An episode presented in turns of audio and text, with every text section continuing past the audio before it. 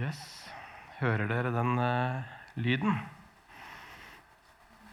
Eventuelt den lyden dere ikke hører, det er lyden av kjør stillhet.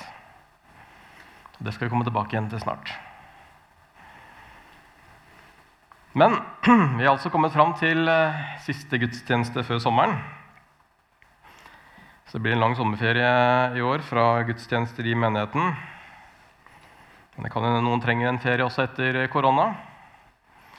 Så håper vi at eh, det skal bli en god sommer for alle.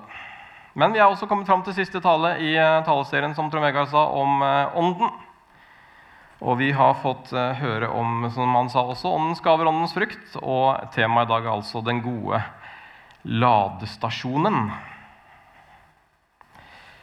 Hva er en ladestasjon?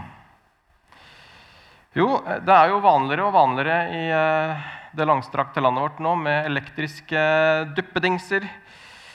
I, som f.eks. robotstøvsugere eller robotgressklippere. Som eh, gjør jobben sin sjøl på egen hånd. Og det som er spesielt med de òg, er jo at når de kjenner at nå begynner det å bli lite strøm, så kjører de selv til ladestasjonen og kobler seg på. I hvert fall på de ikke aller dårligste modellene. Og for å få påfyll igjen, sånn at de kan igjen kjøre ut og gjøre den jobben som de er satt til å gjøre, da, eller kalt til å gjøre, ettersom du vil. Elbiler bygger jo på samme prinsippet. Foreløpig kjører de kanskje ikke til ladestasjonen selv når de trenger det. Men det er ikke umulig at det kommer etter hvert om noen år. Men de gir iallfall beskjed om at nå begynner det å bli tomt, batteriet. Og så må sjåføren da kjøre og finne en ladestasjon. Og det er det som gjelder da før det er tomt. Så dette begrepet rekkeviddeangst var jo et nytt begrep for noen år siden. Rekke fram til ladestasjonen før det er tomt for strøm eller ikke. Noe annet som stadig må lades, er jo mobiltelefonene våre. De går jo raskt tom for strøm iblant, kanskje pga. at den blir brukt mye. Og vi vet jo hvor kjedelig det er når vi går tom for strøm på mobilen, for da er den ikke brukende til noen ting. Og så er det sånn, eh, Mobilen har også en måleindikator som sier at nå begynner det å bli lite batteri. på tide å lade. Vi mennesker vi har dessverre ikke måleindikatorer som viser hvor mye kraft eller energi det er igjen i kroppen vår, eller om vi kanskje hadde trengt en liten opplading. Derfor så hender det at vi går tomme, at de går på en smell, at vi møter veggen, eller at vi sliter oss ut fordi vi pushet oss kanskje for mye når det bare var noen få prosenter igjen av energi eller kraft i kroppen. Det vi hadde trengt, var kanskje en real oppladning. Så kanskje burde vi også hatt noen ganger kjent på en sånn rekkeviddeangst i forhold til egen kropp og ytelse, i forhold til alt vi driver med i hverdagen. Heldigvis fungerer jo kroppen når den er skrudd sammen sånn at vi må i hvert fall ha litt eh, søvn iblant. Og det er jo også en form for oppladning.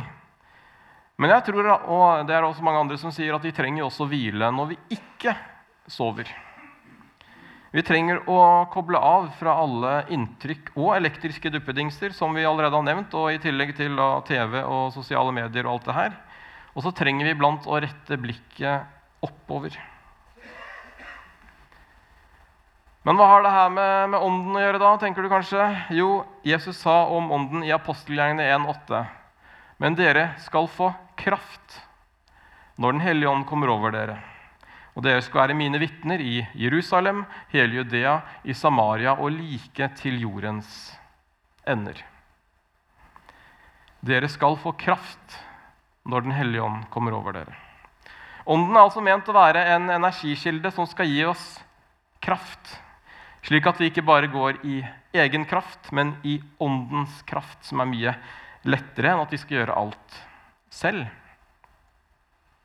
Og jeg tror at vi har mye å lære både som enkeltpersoner og som menigheter på det området. Det er mange som er slitne, og jeg tror at det ofte handler om at vi gjør altfor mye i egen kraft.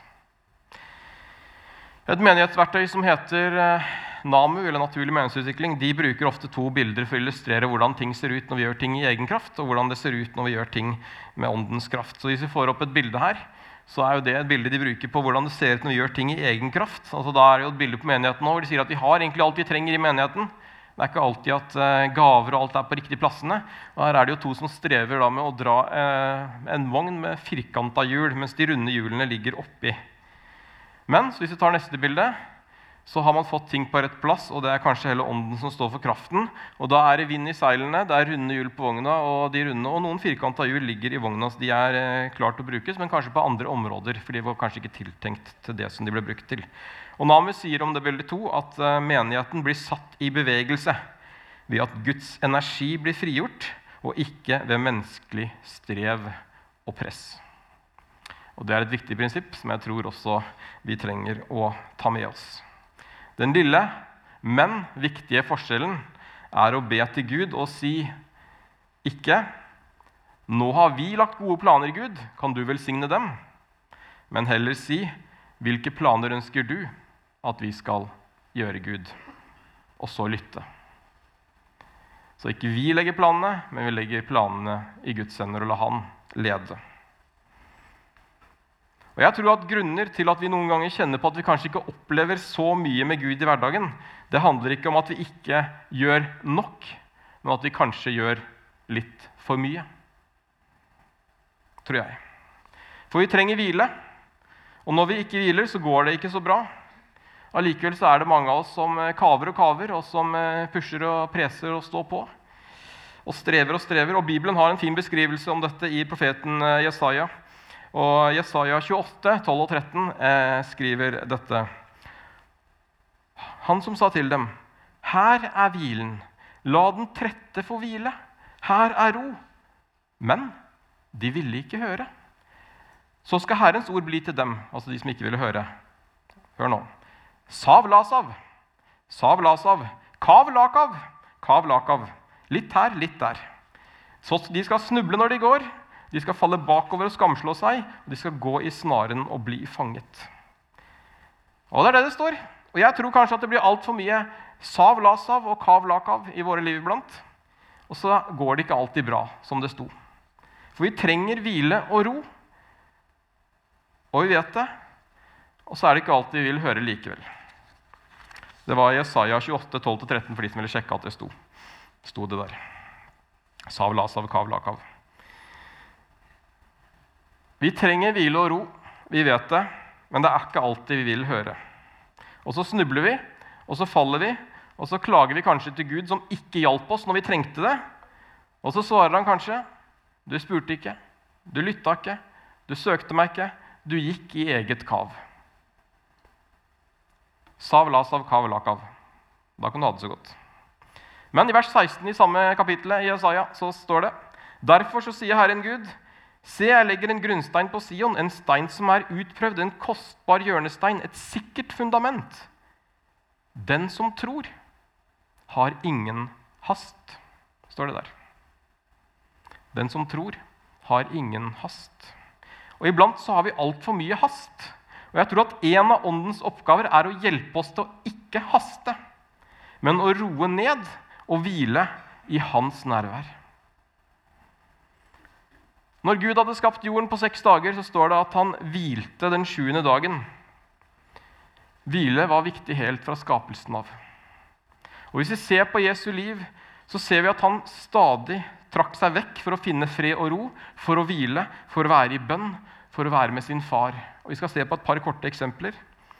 Men flere ganger står det alltid i Bibelen at Jesus søkte vekk for å be og søke Herren. Og for eksempel, Rett etter at Jesus hadde metta 5000 mennesker i Markus 6, så står det at han sendte folket av sted. Og da han hadde tatt farvel, gikk han opp i fjellet for å be. Og I Lukas 5, 15 så står det men ryktet om han spredte seg enda mer, og store flokker strømmet til for å høre ham og for å bli helbredet av sykdommene sine. Men selv trakk han seg ofte tilbake til øde steder og ba. Og jeg tenker litt sånn menneskelig sett, Hvis store folkemengder strømmer til Grimstad misjonskirke Eller hvis store folkemengder hadde kommet hit for å høre meg, ville jeg da trukket meg tilbake til et øde sted for å be? Eller ville jeg tenkt at nå kan jeg ikke hvile, nå må vi gnu på, nå må vi stå på? For nå er det så mye folk. Men Jesus tenkte ikke sånn. Han visste at han trengte ladestasjonen for å ha krefter og energi til å kunne ha noe å gi i møte med menneskene. Og jeg tror at det er et eksempel vi må lære å følge mer i våre liv. Vi trenger den gode ladestasjonen ikke bare for menighetens skyld, men også for å kunne være en god ektefelle eller en god far eller en god mor. Eller det å kunne stå i en tjeneste på en sunn og god måte. Eller stå i et arbeid på en god og sunn måte. Møte mennesker på en god og sunn måte. For når vi blir slitne eller batteriet er tomt eller utlada, så er det ingen som tjener på det. Verken du eller de menneskene som du skal være noe for. Og da trenger vi å bygge gode vaner.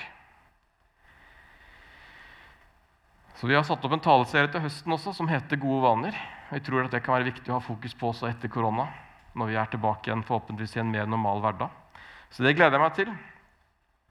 Men det som også er spennende, da For det er jo lett å tenke at vi kan ikke hvile nå, for nå er det så mye som skjer, og nå er det så spennende, og, og hvile er på en måte ikke noe positivt. For det, bare, liksom, det skjer ikke noe mens vi hviler. Liksom. Det er lett å tenke. Men det spennende å se i Bibelen det er at etter at Jesus har vært på et øde sted og vært i bønn, vært og lada batteriene, så skjer det ofte noe veldig spennende rett etterpå. For eksempel Lukas 6, 12-13, så står det om Jesus at på denne tiden gikk han en gang opp i fjellet for å be, og hele natten var han der i bønn til Gud. Og Hva skjedde etterpå det? Jo, da det ble dag, kalte han til seg disiplene sine, og av dem valgte han ut de tolv apostlene. Så Før Jesus valgte ut de to apostlene, så gikk han opp i fjellet og var alene der med Gud en natt. Før et viktig valg så lada han batteriene, han var der, og så tok han et viktig valg. Tolv apostlene.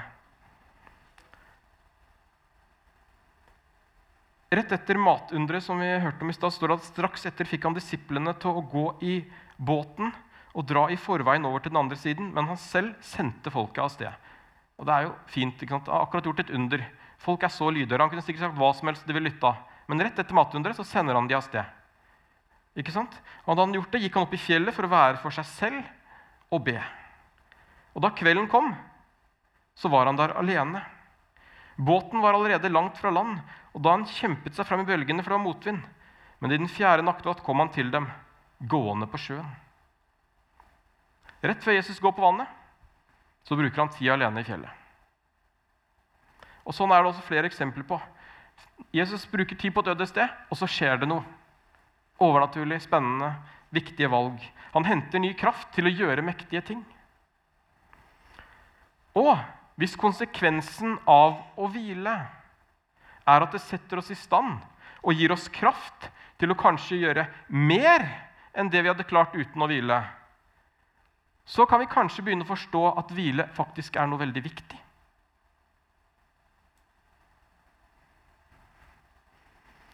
Det handler om noe mer enn bare å ta en pause i arbeidet eller det som er viktig, som vi tenker er viktig. Det handler om mer enn å bare hente energi til å gjøre det samme som vi alltid har gjort. Det handler om å få tak i noe mer. Det handler om å få en kraft til å gjøre noe mer. Da blir ikke hvile et onde som vi må gjøre mot vår vilje, for vi har ikke tid til å hvile. så nå må jeg, å, nå må jeg hvile, og jeg har ikke lyst til å hvile. Det er så mye som skjer. Men kanskje heller hvilen da kan bli noe som vi oppsøker oftere, slik som Jesus gjorde, fordi vi ser at det er så viktig, og at vi faktisk ser at konsekvensene positivt blir større mens vi hviler, enn hvis vi ikke gjør det.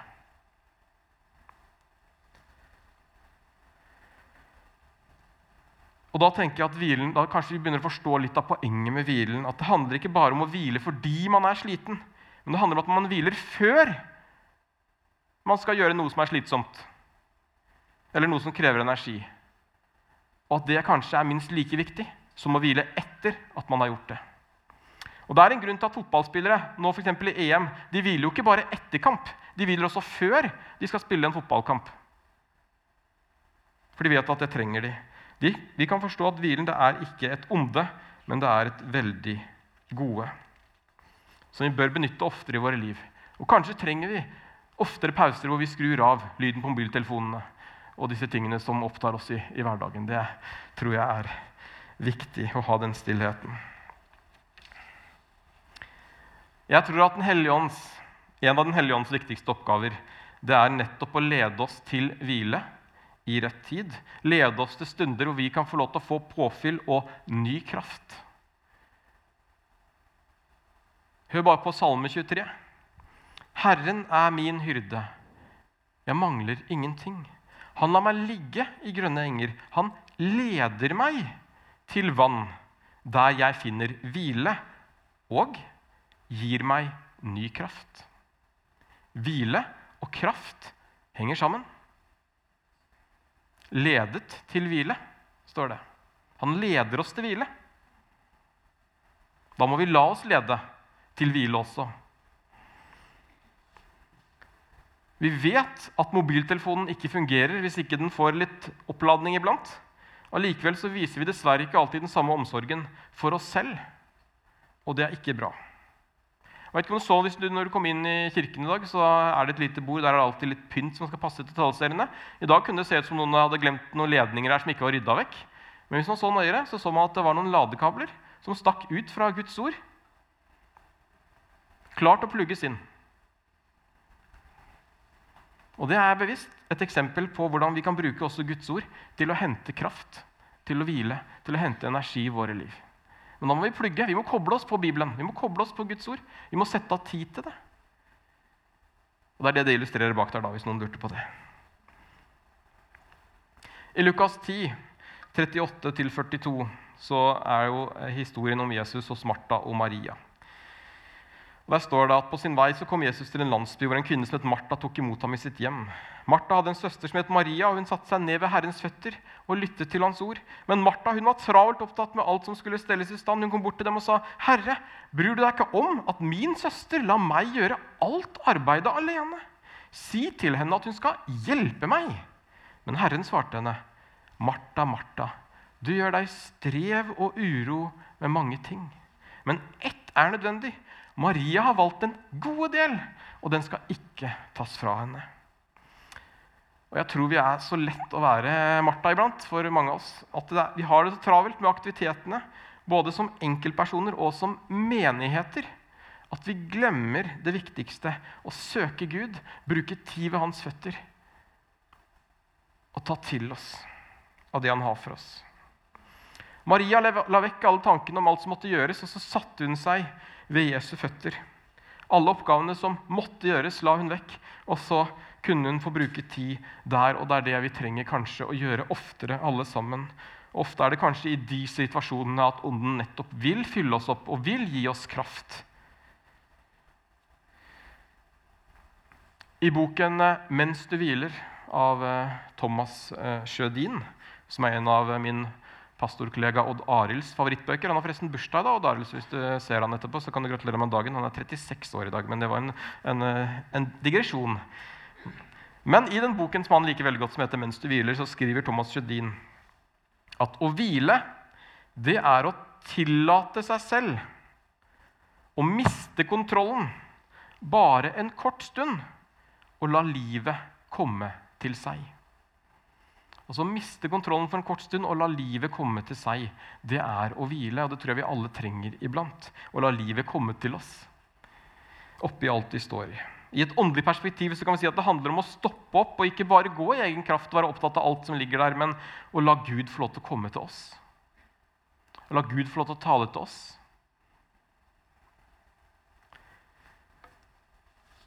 Og så tror jeg det ofte kanskje er sånn at vi forventer på en måte gudsnærværet kraften, i det mektige, i det store, i det overnaturlige.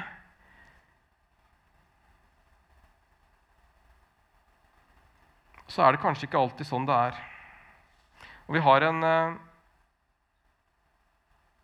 vi har en historie i eh, første kongebok 19 hvor det står om Elia som skal få lov til å få et møte med Gud.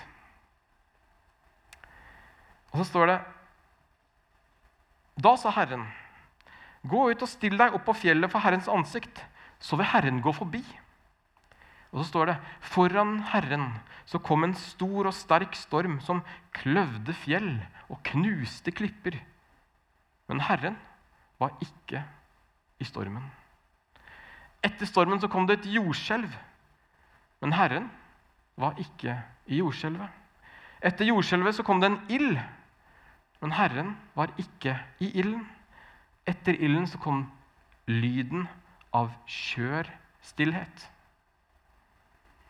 Da Elia hørte den, dro han kappen for ansiktet, gikk ut og stilte seg i huleåpningen, og da lød det en stemme som sa, 'Hvorfor er du her, Elia?'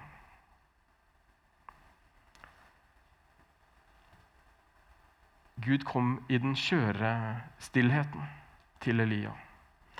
Og som jeg sa i sted, så venter vi kanskje ofte gudsnærværet i det mektige, i det store, i det kraftige. Men han var ikke i stormen, han var ikke i jordskjelvet, han var i den kjøre stillheten. Og Jeg tror at vi kan oppleve Ånden i det store, men kanskje hovedsakelig i det stille, i det lille, i den enkle tanken, i den enkle, daglige ledelsen i våre liv. Men da må vi være villige til å kunne lytte etter den kjøre stillheten og til Ånden som taler der. Og Da er det ofte enkle ting som vi kan få lov til å se og oppleve. Ikke alltid som er stort, men allikevel mektig. Jeg hadde et eksempel. Jeg har jobbet sammen med en pastorkollega for en del år siden. Han, han hadde i tidlig i sin tjeneste fått, eh, fått kalt å reise til England. Det var egentlig en ganske morsom fyr. Det var en kar som hadde jobba i post, postvesenet i ja, veldig veldig mange år egentlig, før han fikk kalt å bli pastor. Eh, tok pastorutdannelsen i voksen alder og kjente på et kall til England, men var ikke sikker på om jeg skal reise dit eller ikke. Så han ba på en måte om en bekreftelse fra Gud. Og på et møte som han var på ikke så lenge i for, eh, forveien her, så kom det en kar bort til han som han ikke kjenner, og som hadde fått et bilde til han som han sa jeg bare fikk et bilde hvor jeg så at du padla over til England. Og det denne fyren ikke visste, var at denne pastoren akkurat hadde kjøpt seg sin første kajakk. Og bildet traff han. Tenkte Det kunne ikke han vite, men det var liksom et sånn enkel bekreftelse på at ja, jeg skal til England. Så dro han dit og var pastor der i, i flere år. Men det var bare en enkel hilsen, et enkelt bilde som ble en bekreftelse om at jeg ser deg padler i en kajakk. Og så var det akkurat det han trengte å høre, eller en padling over. Og så var han lydig og delte et lite bilde når ånden kom og viste han det. Men fordi han kanskje hadde tid til å lytte først, til å få et bilde, så kunne han også dele det videre. Så er det kanskje ikke en stor ting, men så er det likevel noe som betyr så mye for de som får det. Og Det er også hva Den hellige ånd skal hjelpe oss til. Men da må vi våge å sette av tid også, og settinger til å lytte til han og la han få lov til å slippe til i våre liv. Og det er ikke alltid like lett når omgivelsene rundt oss bråker eller det er mye støy rundt oss. Og hvis Gud ofte er, som jeg tror, i den skjøre stillheten, så trenger vi å skape øyeblikk av stillhet.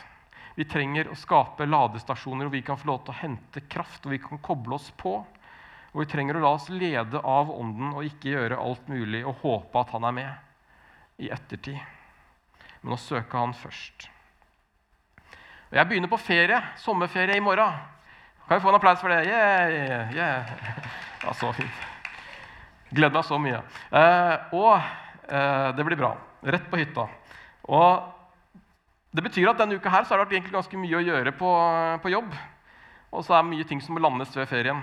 Og I tillegg så fikk jeg også en eh, begravelse av eh, min tante i Oslo på torsdag, som tok mye fokus i, eh, i uken. Og så har jeg kjent på spennet i løpet av en uke her ved å skulle sette seg ned og skrive en tale om å hvile, uten at jeg har hatt noe tid til å hvile noe særlig denne uka her. Og tenkte jeg, Godt forbilde, tenkte jeg. Det er bra. Så i går så måtte jeg bare ta en pause. Jeg sitter ofte og skriver tale på, på lørdager også. Så måtte jeg bare gå og ta en pause fra taleskrivning og gjøre noe helt annet i noen timer.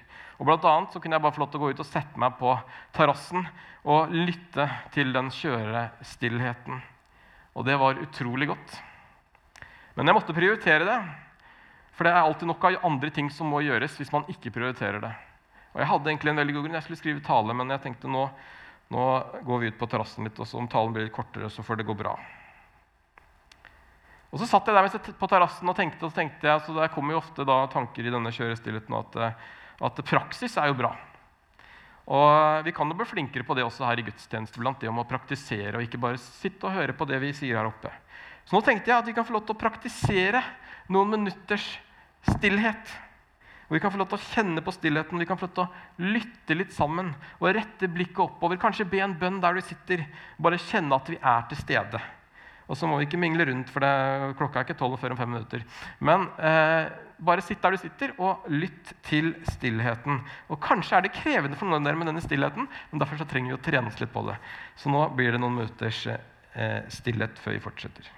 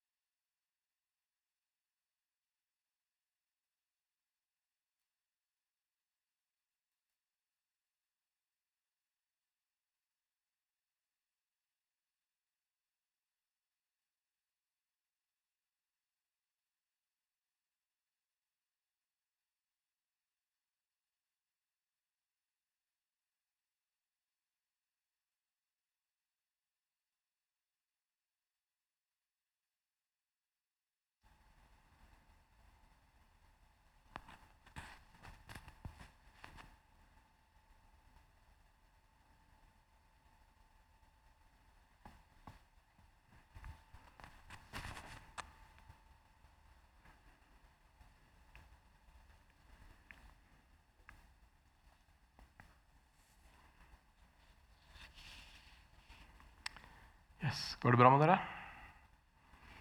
Var det for lenge? Hørte du lyden av kjør stillhet? Hvis du syns det var litt for kort, så er det fantastisk. Da er det bare å gå hjem og fortsette etterpå. Du kan ha så mye stillhet du vil.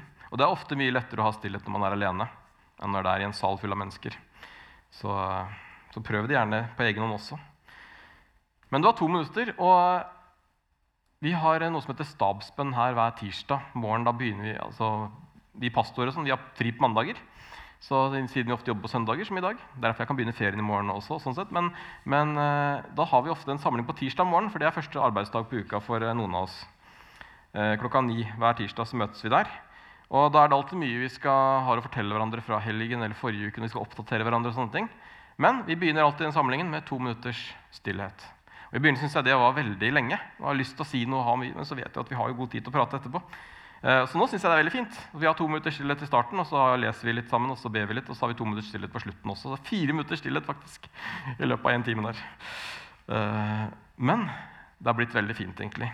Og jeg tror vi trenger det der oftere. Og jeg tror vi trenger å trene oss på det. For vi er ikke vant til stillhet. Det er så mye som skjer rundt oss hele tiden. Og hvis ikke jeg er vant til stillhet, så er det kanskje ikke alltid lett heller å, å lytte. Og la Gud få lov til å tale. Og lære oss å lytte til han. Jeg tror også det er en treningssak. Så jeg oppmuntrer dere alle til å legge inn litt mer kjør stillhet også nå i den sommeren som ligger foran oss. For i en tid nå hvor det har vært pandemi og koronarestriksjoner, så har det kanskje også rokket ved mange av våre ladestasjoner eller gode vaner. Noen har kanskje funnet noen nye måter å lade på når ikke det har vært fysiske gudstjenester. Og nå er det en sommerferie, og så er det en tid uten fysiske gudstjenester her. hvert fall. Det er kanskje andre steder du kan, kan, oppsøke. Men jeg håper at du også kan få lov til å oppleve at denne sommeren blir en tid hvor du kan få lov til å finne gode ladestasjoner og få lov til å høre lyden av kjør stillhet og få oppleve en virksom og levende Gud i ditt liv. At du kan få lov til å kjenne at Den hellige ånd gir deg kraft og energi. Og så håper jeg at vi kan få lov til å oppleve når vi kommer tilbake til høsten, at det blir en veldig spennende høst hvor det vil skje mye fordi vi har hatt en god nå, tid med hvile, og at det da kan skje mye etter hvilen. Det tror jeg på. Jeg skal avslutte med å lese to bibelvers. Det ble talen lenger enn jeg trodde likevel. Eh, det er jo fint. Det var kanskje også noe med når man hviler, så, så trenger vi det også. Men Jesaja 40 sier, 'Vet du ikke? Har du ikke hørt?' Herren er den evige Gud, som skapte jordens ender. Han blir ikke trett og ikke sliten. Ingen kan utforske hans forstand, men han gir den trette kraft. Og den som ikke har krefter, gir han stor styrke. Gutter blir trette og slitne, unge menn snubler og faller. Men de som venter på Herren, får ny kraft. De løfter vingene som ørnen. De løper og blir ikke slitne, og de går og blir ikke trette. Klagesangene 3, 25-26 sier Herren er god mot dem som venter på ham og søker ham. Det er godt å være stille og vente på hjelp fra Herren. Med ønske om god sommer til dere alle, la oss sammen be. Kjære far, takk at vi kan få lov til å legge denne sommeren som ligger foran oss, i dine hender, far. Må du gi oss visdom og kraft i våre liv, far. Visdom til å hvile og til å lade opp på de rette tidspunktene og når vi trenger det, far. Og må du lede oss også i både sommeren som ligger foran, men også høsten som kommer, far. Takk for menigheten, far. Takk for mulighetene. Takk for det vi har. Takk for at vi kan få lov til å oppleve deg også enda kraftigere kanskje også til høsten etter koronafar. Vi kan få lov til å komme sammen igjen. Vi ber om en normal høst, far. Vi kan få lov til å samles i ditt navn. Vi kan få lov til å bringe ditt evangelium ut til Grimstad og til de stedene der vi bor, far. Takk at du er her nå, midt iblant oss, far. Må du fylle oss hver enkelt med din Hellige Ånd, far. Må du hjelpe oss nå med det vi har snakket om i denne taleserien nå, far. Vi ber om dine gaver i funksjon, far. Vi ber om at de må være bærere av din frykt, og at de kan få lov til å hvile på de rette tidspunkt og bruke tid med deg i hverdagen. Det ber vi om i Jesu navn. Amen.